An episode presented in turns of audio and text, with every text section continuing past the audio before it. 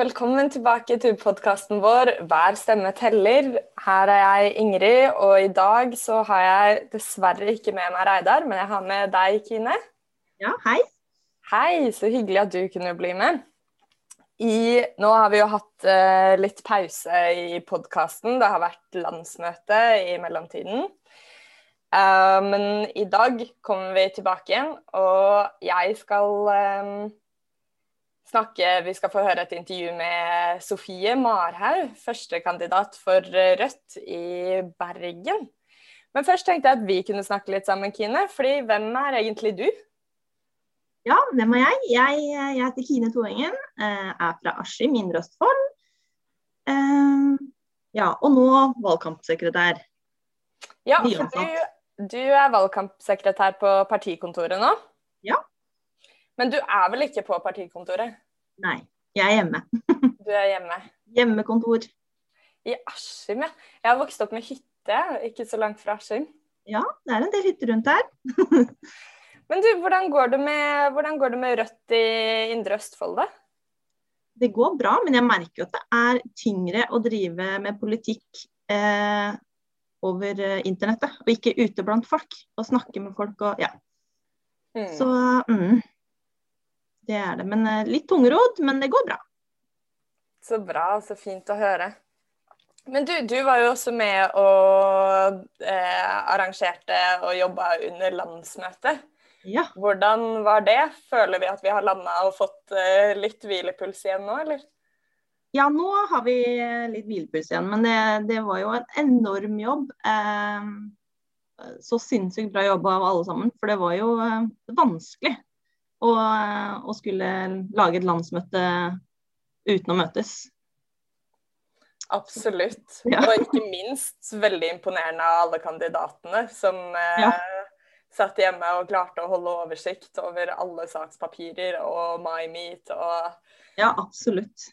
Ja, det blir jo Det er jo noe helt annet å ha et digitalt landsmøte. Jeg tror jo alle vi som bare jobba i sekretariatet også, fikk, hadde en sånn melankolsk følelse av at dette er jo ikke det samme. Nei, absolutt ikke. Du får liksom ikke samme energien og følelsen med å være med folk og ja, nei. Mm. Men vi fikk det til. Det er så bra. Ja, og jeg tror det er veldig, veldig lurt å være Å ha det landsmøtet bak oss nå, sånn at vi har fullt kjør på valgkamp fremover. Ja. Og hva er, det, hva er det hva skal du jobbe med? Hva er din uh, rolle? Eller hva jobber du med nå for tiden? Du vet hva, jeg, jeg har ikke sånn avklart rolle i forhold til valgkampen, men jeg skal vel sikkert henge litt i rumpa på Reidar, tenker jeg. Og lære litt av han. Um, og få lov til å delta i noen av hans oppgaver. Um, så hadde jeg liksom håpa å få lov til å møte folk, da. Men uh, det ser kanskje ikke sånn ut, så da får vi være engasjerende over Zoom isteden. Ja, for nå sitter vi jo her på torsdag, og da kom Nei, onsdag, ja. og det har kommet uh, enda en uh, ny innstramming som nå er nasjonal. Ja. Så det blir nok Ja, det blir nok en del over Zoom og sånne ting. Mm. Mm. Men å heie på og hjelpe folk til å finne ut hva de kan gjøre i forhold til smittevernregler og jeg tenker at Vi kan jo ikke sette oss ned og så tenke at det var det. Vi må jo kjempe på videre og finne andre måter å drive valgkamp på. Ja, og det har vi jo klart så langt. Og jeg er helt sikker på at vi skal klare det videre også. Og så vet jeg vel at uh, det er vel en del aktivitet på kontoret. Man begynner å bestille opp uh, litt forskjellig uh, hva heter det, merch og ting ja. på kampene og sånn. da. Det er spennende, da. Det blir jo ja. et litt større utvalg enn tidligere. Ja, det, det blir gøy. Um, ja. Og det renner inn med bestillinger, så det er veldig bra. Ja, så hvis noen hører på og ikke ja. er lagsleder eller noe sånt, og ikke har bestilt uh, enda, så er dette en påminner. Absolutt. Skynd dere å bestille. Nei, men Kine, så veldig fint at du uh, kunne bli med. Nå tror jeg uh, vi skal gå videre og få høre fra Sofie. Mm -hmm. Men uh, du må gjerne komme tilbake igjen uh, til podkasten vår, altså. Ja, takk gjerne. Det var veldig hyggelig å få være med. OK, nå skal vi få høre intervjuet med Sofie Marhaug, førstekandidat for uh, Rødt Hordaland. Hei, Sofie. Så hyggelig at du ville være med her i podkasten vår. Hver stemme teller. Ja, takk for at jeg får uh, være her. Hvordan, hvordan, står det til med deg? Det går bra. Jeg um, gleder meg litt til påske, det skal jeg innrømme. Men uh, uh, ellers går det fint her i regnbyen Bergen. Ja, i dag er det faktisk nesten regnvær i Oslo også. ja, det vet ikke om jeg tror helt på Oslo-folk når de sier det, men uh, jeg får ta deg på ordet. Ja, Vi må kanskje starte der. da. Jeg så Rett før jeg skulle snakke med deg nå, så så jeg at du nettopp har blitt omtalt for første gang i en Oslo-avis. Hvordan? Ja, det stemmer. Uh, ja, nei, altså På bystyremøtet som var i går, så fremmet SV en sak under eventuelt som var het sånn Takk Oslo. Eh, fordi Oslo eh, har eh, stått på under pandemien og liksom gjort en innsats, da. Og eh, det syns jeg ikke er kanskje det folk trenger akkurat nå. da. Eh, jeg tror folk er lei av applaus og takk og bakketopper osv. Og, så videre, og særlig når når Oslo er en veldig delt by, og der noen har gjort en uh, større innsats enn andre, da, kan du si, under pandemien. Så uh, da ble jeg spurt om jeg hater Oslo. Oi! ja, det var, det var oppfølgingsspørsmålet fra Avisa Oslo. Hater Rødt Oslo? ja, var så? Si, nei, da måtte jeg si at nei, vi er veldig glad i Oslo. Uh, Iallfall deler av Oslo. Eh, så jeg vet ikke om jeg klarer å overbevise Oslo-folk eh, om det, da, men eh, jeg hater ikke Oslo. Nei, jeg tror det er veld veldig mange, i hvert fall blant Rødt-medlemmer, som skjønner at det ikke er, det er ikke Oslo som eh, er mottaker av kritikken der. Det handler jo heller om forskjellene, som, som du sier. Men du Sofie, vi må nesten starte litt på start. Fordi du er jo her fordi du er eh, førstekandidat for eh, Rødt valgkretsen Hordaland til stortingsvalget. Um, og du sitter i bystyret i Bergen. Og er eh, også gruppeleder for, for Rødt-gruppa. Og det har du vel vært en stund? Kan ikke du fortelle litt om din egentlig om din bakgrunn i Rødt? Ja. Eh, jeg ble med i Rød Ungdom i 2006. Da var jeg 16 år. Eh, og eh, det ble jeg nok eh, av ulike grunner, men på, på, den tiden så var jo det kanskje særlig sånn, krigen mot Irak og Afghanistan, og der eh, RV da, og eh, Rød Ungdom var veldig tydelige, i tillegg til at eh, ja, jeg var, befant meg på venstresiden da, mot, eh, mot eh, kapitalisme og eh, urettferdighet og for frihet og alt som var bra. Som idealistisk ungdom, sikkert. da. Um, så det er min bakgrunn uh, for å Hvis jeg tenker tilbake på det. fordi mine foreldre var ikke med i RV eller Rødt eller noe sånt, så det var nok eh, litt mer sånn ja, litt tilfeldig, litt saker som, som jeg var opptatt av den på den tiden. Og så ble jeg valgt inn i bystyret i 2011, så jeg har sittet der i eh, ti år, faktisk. Eh, og det var nok kanskje litt eh, tilfeldig at jeg ble kumulert inn i 2011 òg. Jeg tror det var litt det var mange unge folk som kom inn i bystyret, og jeg tror det handlet litt om 22. juli, og at velgerne viste liksom eh, ville vise at de hadde tillit til ungdommer og unge kandidater. For det, det gjaldt mange lister, da, egentlig. Så, men siden den gang så har jeg egentlig eh, jobbet med mye forskjellig. Eh, jeg har vært fritidspolitiker stort sett, egentlig, men nå nå har jeg en 50 stilling eh, som eh, gruppeleder i bystyret. Og sitter òg i utvalg for miljø og byutvikling. Så det er veldig mye jobb, egentlig. veldig mye spennende. Og, ja. ja. Mm. Men du blir jo fort en av de med lengst, eh, lengst fartstid i Rødt, da. Ti år i bystyret. Ja, og jeg var også på stiftelseslandsmøtet til Rødt i 2007, faktisk. Eh, så hvis man tenker på det som starten på Rødt, så har jeg vært med hele veien. Mm. Um, ja, så det er jo eh, selvfølgelig sånn at i noen perioder så er man litt mer med enn andre. Og jeg har jo òg hatt andre jobber og, og studert. og jeg har òg egentlig en annen jobb eh, på universitetet. Så eh, det har vært litt av og på, men i det siste så har det nok vært mye på. jeg syns det er et viktig prosjekt, og jeg ønsker at Rødt skal eh, bli en større maktfaktor i norsk politikk. Jeg mener at de tingene vi står for og, og de sakene vi brenner for, eh, trengs. da, og eh, ja, At Rødt kan være en sånn positiv kraft i norsk politikk og for å forandre eh, hverdagen til folk, da. Mm. Ja, og det er vel det perspektivet som kanskje blir enda sterkere også nå som vi går et stortingsvalg i møte, og vi vet at vi har sittet her med åtte år med mørkeblå styring, og på toppen har vi en pandemi som virkelig får frem altså forskjellene blant folk, og også viser hvordan de forskjellene øker. Mm. er jo, det er jo der kanskje den Rødt som maktfaktoren kommer inn tydeligst. Mm.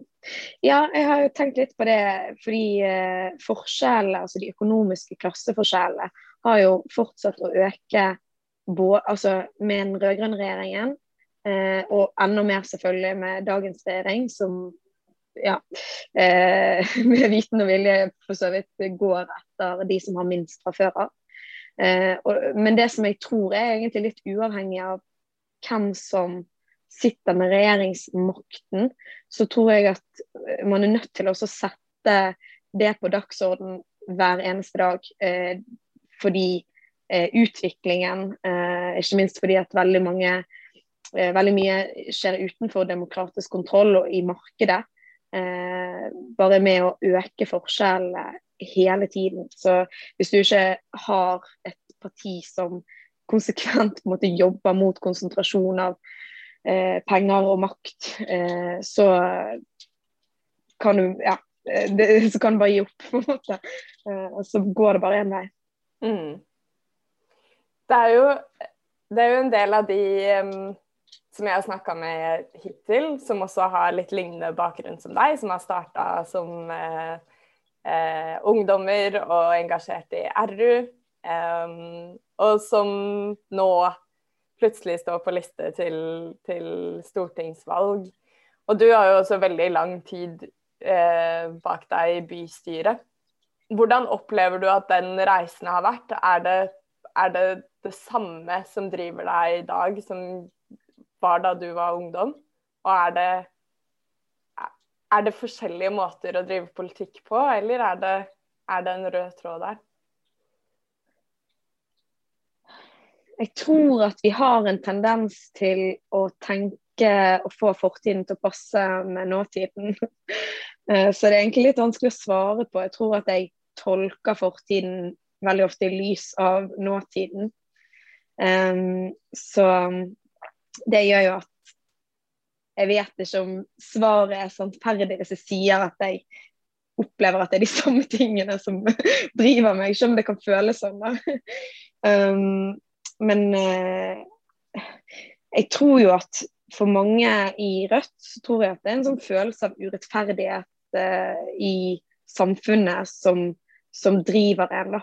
Uh, og det er jo det nå òg. Det som har forandret seg veldig, tror jeg, for min del, er at jeg har eh, blitt mer engasjert i eh, lokalpolitikk. Altså i det som jeg sikkert som 16-åring syntes var litt små saker, eh, men som jeg nå syns eh, kan være veldig viktig. Ikke fordi at eh, det ikke var viktig før, men bare mer sånn at jeg syns det kan være veldig urettferdig hvis noen eh, blir kastet ut av barnehage og SFO i Bergen kommune fordi de ikke har betalt regningene sine. Og det syntes jeg sikkert som 16-åring òg, men det var ikke det var ikke der perspektivet mitt var. Jeg var mer opptatt av sånn, ja, krigen mot Irak. Sant? Og det er jo altså, opptatt av begge deler, men jeg, tror at, jeg tror at lokalpolitikken selvfølgelig har gjort eh, at jeg har blitt mer opptatt av litt nærere ting. Da.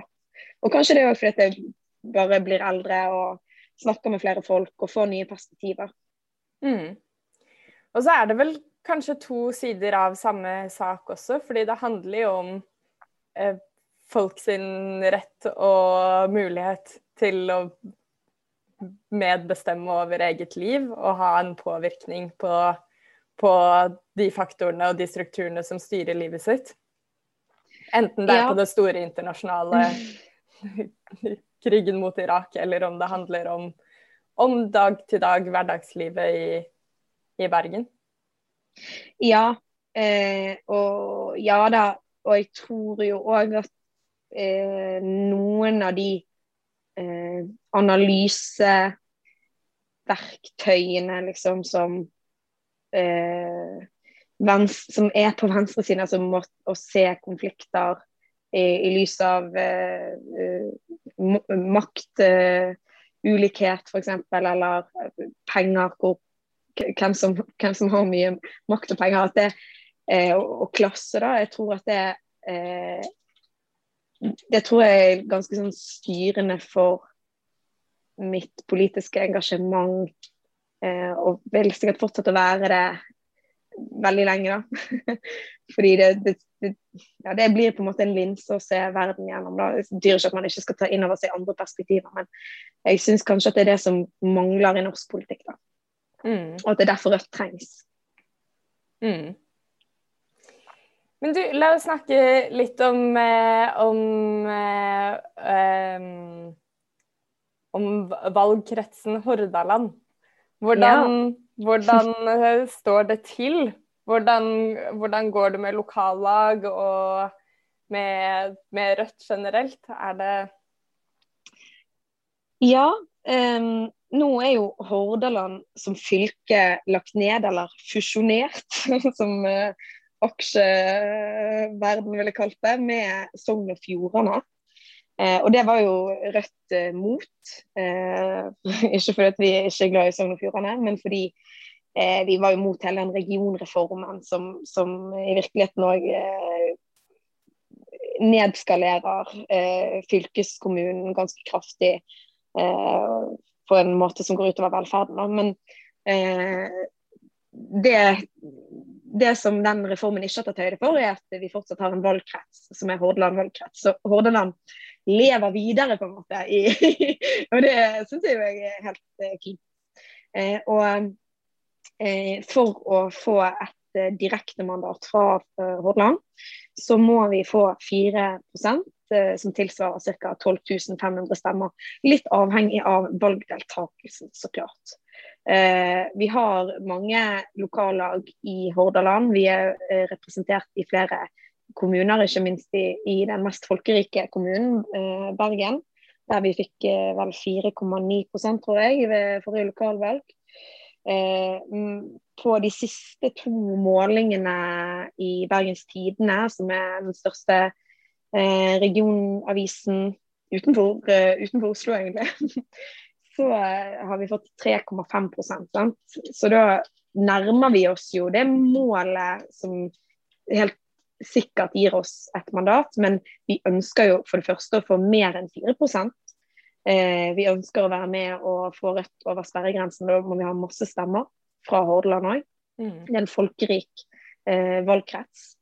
Eh, men eh, vi må i alle fall ha det, og det er innenfor rekkevidde. Og det er noe som ikke bare jeg sier. Det er noe som eh, valganalytikere i Poll of Polls òg sier, at vi har en historisk sjanse til å komme inn fra Hordaland. Så det er et, det er ikke ønsketenkning fra Rødt sin side. Men jeg tror det er avhengig av at vi mobiliserer ganske kraftig, og kanskje når ut til litt nye velgergrupper. Ja. Mm. ja, for hva tror, du, hva tror du er det som er viktig for velgere i Hordaland nå i år og frem mot stortingsvalget? Jeg tror at det er veldig mye forskjellig. mm. Jeg tror at uh, Hordaland Altså, vi har jo en stor by, Bergen, uh, som sikkert eh, Det er en del problemer som for så vidt kan ligne på utfordringer i Oslo knyttet til et boligmarked som er eh, overopphetet og egentlig en forskjellsmaskin. Um, det tror jeg mange unge folk i Bergen er opptatt av, eh, med rette. Og så har vi jo eh, en, eh, mange bygder og eh, kommuner rundt Bergen som egentlig baserer seg i stor grad på eh, olje og gass, men ikke bare, og på, på vannkraft osv. Så, videre. så Hordaland, altså det grønne skiftet og den omstillingen alle snakker om, den må jo finne sted her. Og at det skal skje på en rettferdig måte og uten at det går på eh, ødelegger naturmangfoldet og går på bekostning av naturen. Det er eh, og liksom en av de store sakene her på Vestlandet, tror jeg. Eh, og jeg tror at det at Rødt blir representert fra Vestlandet er utrolig viktig hvis vi skal eh, klare å få en troverdig og god politikk i allianse med de, noen av de kreftene som, som forener eh, klima og eh, natur- og industrihensyn. Mm. Ja, for der kommer jo spørsmålet om arbeidsplasser også inn. Mm. Men hvordan tenker dere nå For nå har det jo kommet nye smitteverntiltak igjen som eh, er like for eh, hele landet. Og hvordan, hvordan, skal vi klare å drive en valgkamp fremover nå? Det blir jo veldig utfordrende. Eh, og jeg tror det blir utfordrende for mange, men kanskje særlig for venstresiden. Fordi at vår styrke er liksom at vi møtes og organiserer oss sammen sosialt. Eh, fordi vi har ikke masse penger til å lage dyre reklamevideoer. og eh, ja, det er ikke på en måte det som er vår organisatoriske styrke. Vår organisatoriske styrke er det fellesskapet som er sosialt og for så vidt òg fysisk. Men jeg tror vi kan bruke sosiale medier som selv om det er eid av liksom, kapitalen, da, så jo, har det en demokratiserende funksjon òg, fordi alle kan, kan være der mm. og, og, delta. Og eh, faktisk eh, vi kan bruke det til vår fordel. Ellers så tror jeg vi må bare kanskje organisere oss i litt mindre grupper. Og eh, kanskje ha mer plakataksjoner. Eh, ringe. Eh, snakke med alle vi kjenner. Og bruke de kanalene eh, så godt vi kan. da, Og så håper jo jeg at Eh, ting forandrer seg, men jeg tror vi må, vi må, bare planlegge for at det blir en helt annerledes valgkamp. Og så må vi bruke da, det som eh, pandemien har vist, nemlig at det er kjempestore forskjeller mellom folk. Og jeg, det er det, det, som jeg tror er litt bra med dette, er at akkurat som, eh, akkurat som vinteren på en måte er en sånn tid som kan vise at det er store forskjeller, så kan en sånn pandemi da vise at det er store forskjeller. Når alt er bra og det er sol og sommer, liksom, så kan alle være glad, men eh, når ting blir satt på spissen, så tror jeg folk òg kan få øye på strukturer som egentlig Rødt har pekt på hele veien. Mm. Um, ja. At det må vi bare uh, bruke, da. Eh, ikke bare fordi at det er fordelaktig for oss, men fordi at det er viktig politisk. Mm. Ja, det tror jeg også. Det er jo en Tror du ikke det er litt sånn symptomatisk at når folk blir mer isolert, eh, og man får mer rom til å stille spørsmål om Oi, hvor er jeg i livet? Hva er mine muligheter? Hva er min fremtid? Så blir de, nettopp de strukturene du nevner, veldig mye tydeligere, da. Og um, stå frem klarere enn enn uh, i en hverdag fylt med hele tiden noe man skal rekke. Og nå er det jo også, det jo også eh, for enormt mange mennesker så er fremtiden så utrolig usikker også. Plutselig så opplever man at, at sikkerhetsnettet, enten det er jobben din eller eh, planene dine for fremtiden plutselig ikke er der lenger. Så kanskje denne tiden også gjør at folk blir Altså det åpner opp en mulighet for å tenke politisk rundt uh, saker som omhandler seg selv? Ja, og eh, jeg tenker jo at et eh, politisk partis oppgave er òg å være med og uh, ja, kunne tolke noen av de begivenhetene politisk òg, og, mm. og, være med og synliggjøre de strukturene. og det syns jeg Rødt er ganske gode på, og vi kan sikkert bli enda bedre. Mm. Men hvordan kommer din eh, hverdag til å se ut eh, fremover mot valget, da? Um, jo, jeg kommer vel til å jobbe veldig mye hele tiden. Som litt sånn jeg lever i dag òg. Uh, så fordi det er jo kanskje det er jo eh, kanskje et problem da, men jeg, synes, jeg klarer ikke alltid å liksom la ting ligge hvis det er noe som jeg føler er viktig, eller som er viktig for andre. Eh, så det kommer nok til å bli mye jobb, altså politisk arbeid framover. Eh, og det er jo først og fremst fordi jeg syns at det betyr noe, da. Eh, så eller så skal jeg prøve å ta litt fri nå i påsken, og så skal jeg prøve å ta litt fri i begynnelsen av juni, bare for å eh, samle litt energi til, eh, til eh, valgkampen. Det høres veldig lurt ut.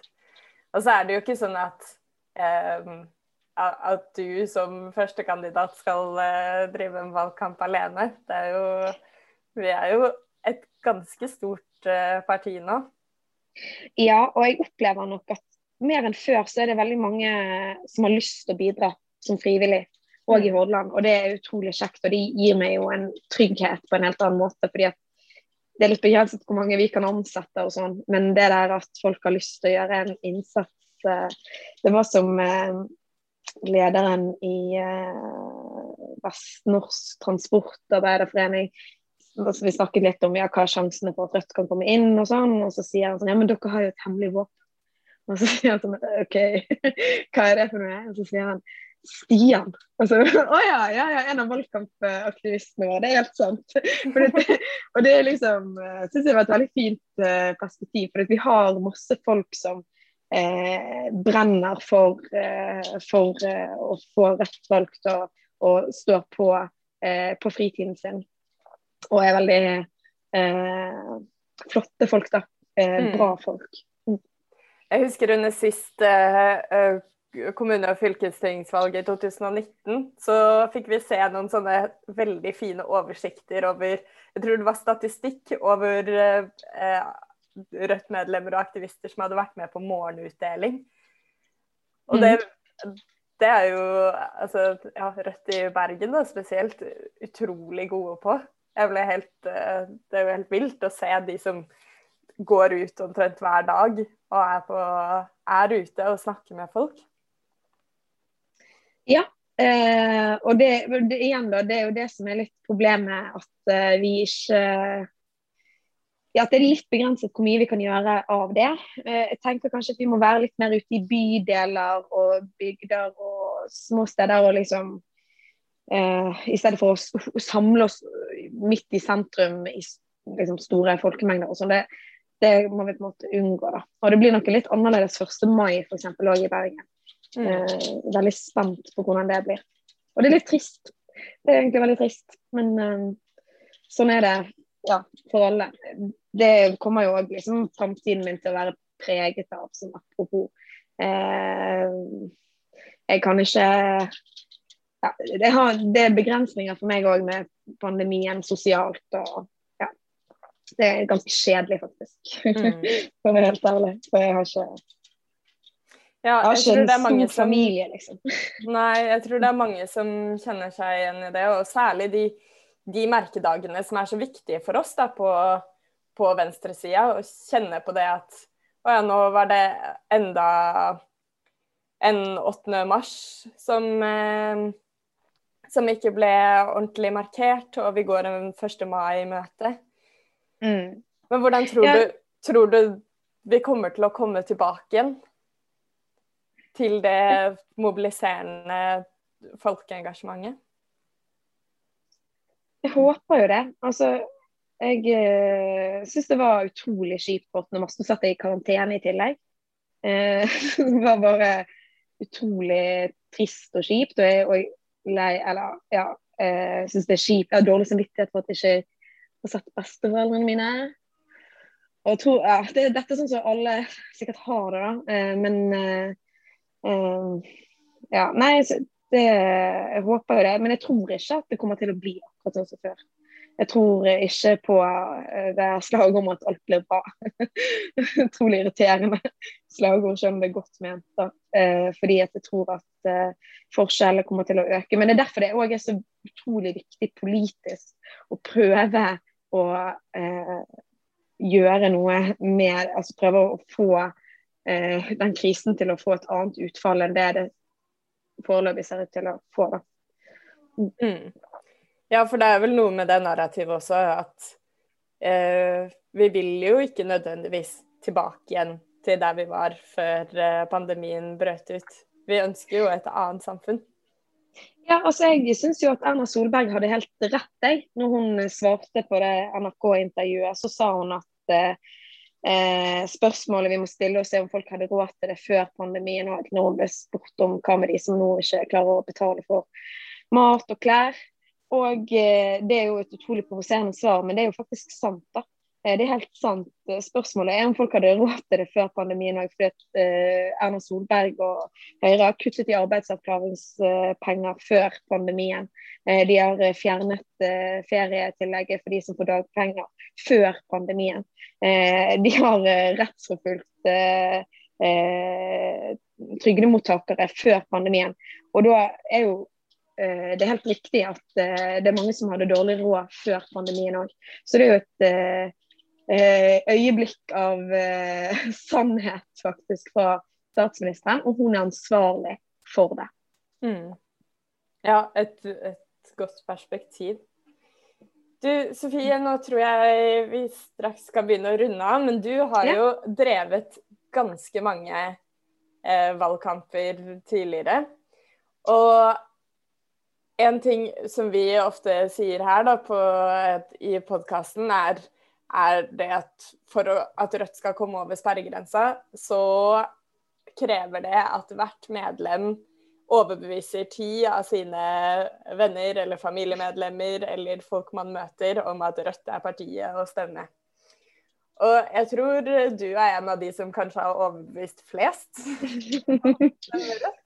Så har du noen gode tips eller triks til hvordan man kan enten starte en samtale om politikk, eller snakke med folk om Rødt sin politikk? Det er veldig takk eh, for tilliten. Eh, men nei, jeg tror at noe av det viktigste man kan gjøre, er faktisk å høre på hva folk bryr seg om.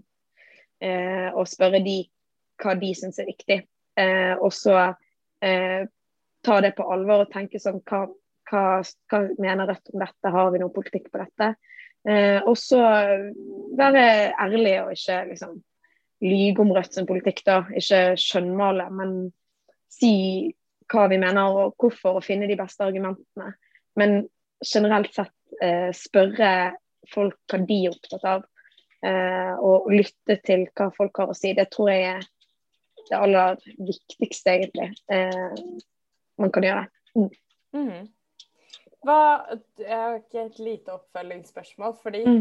hva sier man til folk hvis man møter noen som sier at jeg er ikke noe opptatt av politikk? Mm. Ja, eh, det tenker jeg. Altså, for det første så syns jeg at man skal eh, respektere det. Og ikke være sånn for en idiot du er som ikke er opptatt av politikk. Eh, fordi jeg skulle av og til skulle ønske at jeg ikke var så opptatt av politikk.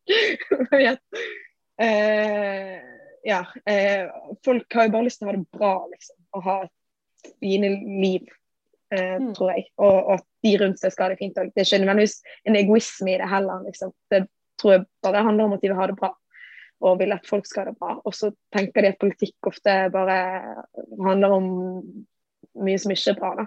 Men så tror jeg at de aller fleste i livene sine har noe som eh, enten angår de sjøl eller andre som de er misfornøyd med, og som kunne vært bedre og kunne vært mer rettferdig. Um, men ja, det er et uh, veldig godt spørsmål. Uh, jeg tror at det man kan spørre om, er litt sånn hva de uh, gjør på liksom, hva de jobber med, eller kanskje at det kan være en inngang til å snakke om ting som folk har tenkt ikke er så politisk. Det kan være liksom, lønnsoppgjør, eller det kan være ting som vi syns er veldig politiske, og så, og så snakke litt om det. Eh, ja. Et veldig lurt tips. Mm. Da tror jeg vi skal uh, runde av for nå. Men tusen takk for at du ville bli med. Og så må både du og resten av hele, hele gjengen i Hordaland mm. ha masse lykke til fremover. Takk. Jeg gleder meg. og jeg, eh, jeg, det som gruger, er veldig spent, og det er mest gøy. Så ja. Eh, får jeg bare håpe Altså, det er jo avhengig av oss, da. Det er litt det eh, Når vi er så nære, så handler det òg ganske mye om vår egen innsats. Om det går bra eller dårlig. men jeg er i hvert fall veldig motivert. Mm. Ja, det er jeg også jeg er, jeg er overbevist om at vi både tar sperregrensa og får direktemandat fra Hordaland. Ja. ja. OK. Ha en fin dag videre. Du òg. Ha det bra. Ha det. Da er vi tilbake igjen her. Du hørte nettopp eh, intervjuet med Sofie Marhaug, førstekandidat for Rødt i Hordaland. Og nå har jeg med en overraskelse her, for jeg sa jo tidligere i dag at uh, Reidar uh, er i permisjon. Men her er du, Reidar. Tilbake fra permisjon. Den var kort. ikke, så, ikke så, kort i denne, denne, omgang, faktisk. Jeg har vært borte i, i godt og vel 14, 14 dager. Og 14 dagers permisjon det er noe vi menn får lov til å ta i de to første ukene etter at man har blitt pappa. Det er så hyggelig. Gratulerer masse. Tusen takk for det. Det er kjempeutrolig stas. Ja, det er kjempestas. Og nå har du én dag på jobb, og så er det inn i påskeferie. Ja, så det er helt perfekt. Eh, så jeg, jeg kan jo røpe såpass som at uh, uten at det var så godt planlagt, for det er jo mye tilfeldigheter som spiller inn når man planlegger å få barn, men, men uh, er, jeg har hatt såpass flaks at, at jeg nå får liksom, påska som, som ekstra permisjon. Så får vært med lille, denne lille ungen i, i en uke til. Og så Eh, jeg er en av de som er så heldig at jeg får halve permisjonstida. At jeg deler helt likt med, med samboeren min, eh, som jeg er veldig glad for. Eh, men jeg går ikke ut i permisjon før rett etter valget. Så, så jeg får jobba godt og grundig med valgkampen og, og, skal være med og sikre at vi eh, gjør et rekordvalg. Og så skal jeg ta en, eh, ta en god pause fra, fra, å drive med rødt arbeid og, og, være med lille knøtten, som vi kaller han for, eh, når, eh, når valget er ferdig. Da. Så jeg er veldig fornøyd med, med hvordan, ting har blitt. Ja, dette høres ut som en helt uh, en super plan. Men du Reidar, når uh, jeg nå har deg her i noen minutter, så må vi nesten Vi må snakke litt om, eh, om tallene våre, om meningsmålingene. Og som Sofie var inne på, så ser jo målingene ganske stabile og, og greie ut for Hordaland. Men har du noen oppdateringer å komme med, eller? Hvordan står det til der borte? Absolutt. Og Hordaland gjorde jo et uh, godt, uh, godt, valg i 2019 og fikk uh, 3,6% som er som sånn Sammenlignet med tidligere er et veldig godt valgresultat. og De er jo en del av Vestland fylke nå, men, men, men, bare i Hordaland fikk man altså 3,6 6% og Det er jo omtrent det man har ligget på på de målingene som har kommet ut, eh, når man spør om stortingsvalget i, i Hordaland. Eh, inntil eh, i dag, hvis dere hører på podkasten i dag kommer ut. For eh, det kommer en, en, rekordmåling som jeg ikke tror Sofie hadde lov til å fortelle om, som en, men som jeg tror hun visste om når, når dere gjorde, gjennomførte intervjuet. Og Det er en måling hvor hun kommer inn på direkte mandat og får så mye som 5,6 Eh, så det er en, eh, en, måling som sannsynligvis, hvis jeg skal være helt ærlig, kanskje ligger litt over det, det som er resultatet i realiteten.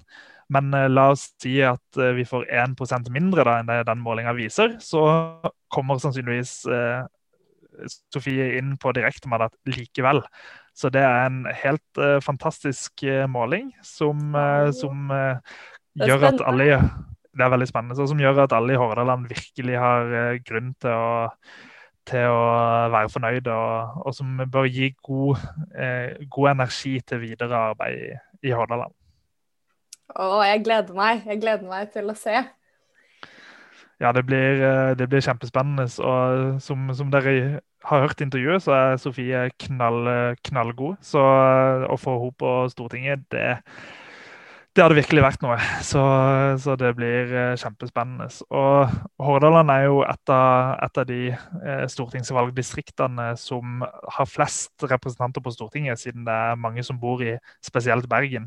Så eh, i Hordaland trenger man vel for å være helt sikre så trenger man 4,8% sånn matematisk. Da kommer man inn med en stortingsrepresentant uansett, men det holder sannsynligvis med i overkant av 4 et sted. Så Eh, Sofie har kjempegode muligheter til å komme inn på direkte mandat. Og hvis hun ikke skulle det, men, men Rødt fortsatt kommer over sperregrensa, så er hun en av favorittene til å ta et av utjevningsmandatene. Men, men, jeg tror virkelig at, uh, at Sofie kan, uh, kan, klare det. Ja, det tror jeg også.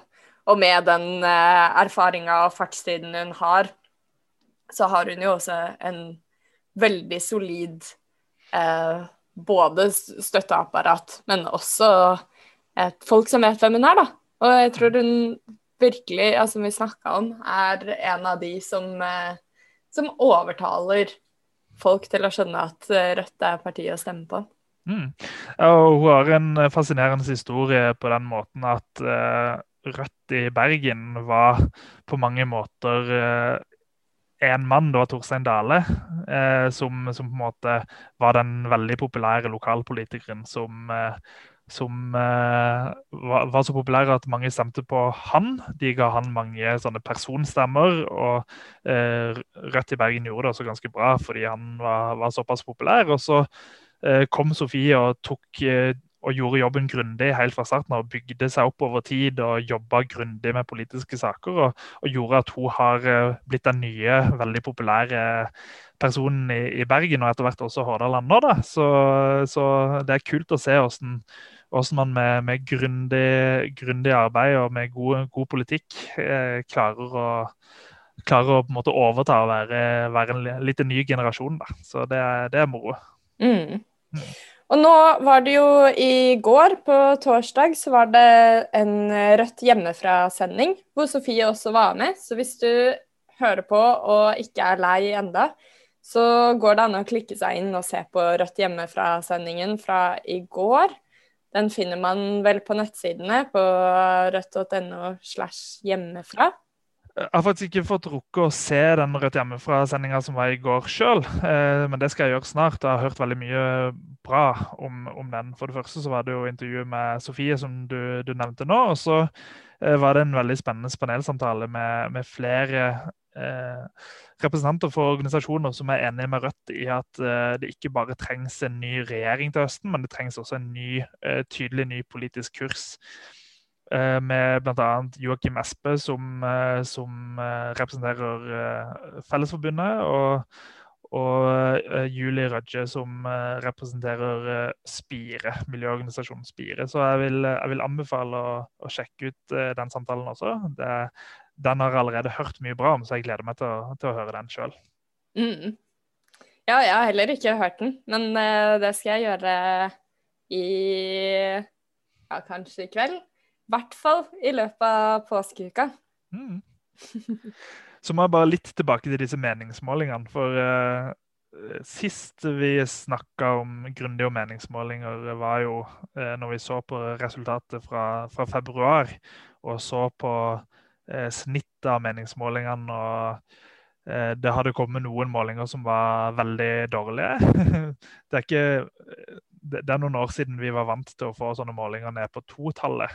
Det var noen målinger på sånn 2,7 og, og sånn type ting. Eh, nå eh, har vi gått inn i en ny måned, mars, og vi har fått ganske mye gode målinger.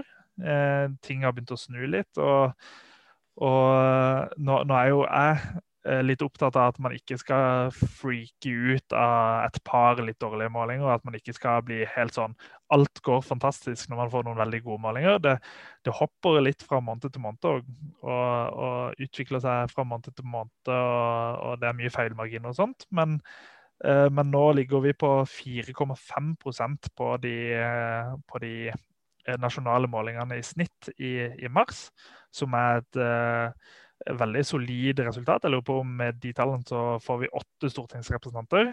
Eh, så det er jo virkelig noe å, glede seg over. Og så eh, kan vi jo håpe å gjøre det enda bedre.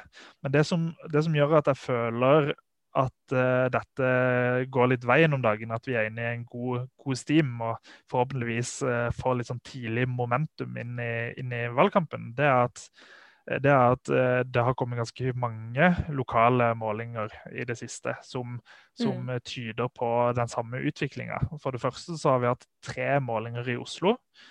Eh, som alle har ligget godt over valgresultatet i, eh, i 2019.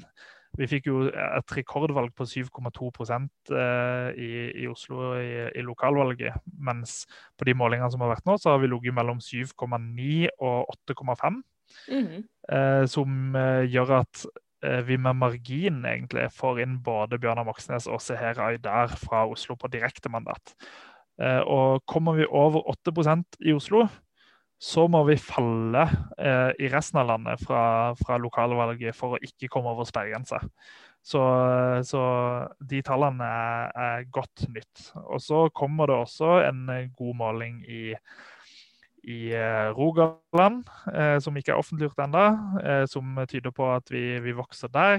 Det har kommet gode målinger fra Nordland, Troms og Finnmark. på i Nordland var det 4,9% i Troms var det 5,1 og så var det 5,4 tror jeg i Finnmark, hvis jeg husker riktig. Så alle lå godt over sperregrensa. Så det, det, er en ny situasjon for oss. For Før i tida så var det sånn at Oslo var der man på en måte fikk gått over eh, det snittet man håpte på å få. Eh, mens resten av landet lå godt under. Sånn at Oslo liksom skulle løfte oss opp fra resten av landet. Men nå går det såpass bra mange andre steder også at, at de er med å bidra til å få opp eh, snitt, landssnittet vårt til å forhåpentligvis komme godt over 4% til, til høsten. Mm. Ja, det er utrolig kult og veldig oppløftende. Og man må jo nesten tolke det som et et resultat også av alt det harde arbeidet som har vært gjort da, med å bygge organisasjonen lokalt, starte nye lokallag, snakke med folk, ha Rødt, vise at Rødt er til stede over hele landet, og ikke bare et, eh, et Oslo-parti. Det er jo ikke noe som bare kommer av seg selv. Det er ikke noe som kommer bare av seg selv i i det hele tatt. Så eh, det at vi har vokst og blitt såpass mange medlemmer og blitt mer synlige i hele landet, og at uh, at uh, vi har medlemmer som, som tenker på seg selv som medlemmer. sånn at Når de sitter rundt middagsbordet rundt omkring i hele landet, så, så blir fort Rødt et, et, tema. Det er kjempe, kjempeviktig for, uh, for, at Rødt skal klare seg. Også den gledelige nyheten også, som viser seg på måling etter måling, det er at Rødt har veldig høy lojalitet. Så de som sier at de stemte på Rødt sist, de sier også at de skal stemme på Rødt neste gang. Mm. Så Rødt ligger vel på sånn stort sett over 70% som sier ja, jeg skal stemme på Rødt igjen. Mens, mens, og så kommer de som er usikre oppå der igjen, og de som sier at de skal stemme et annet parti oppå der igjen. Mens f.eks. Venstre, som sliter veldig nå, de har jo en sånn, ja, lojalitet på 40% eller noe.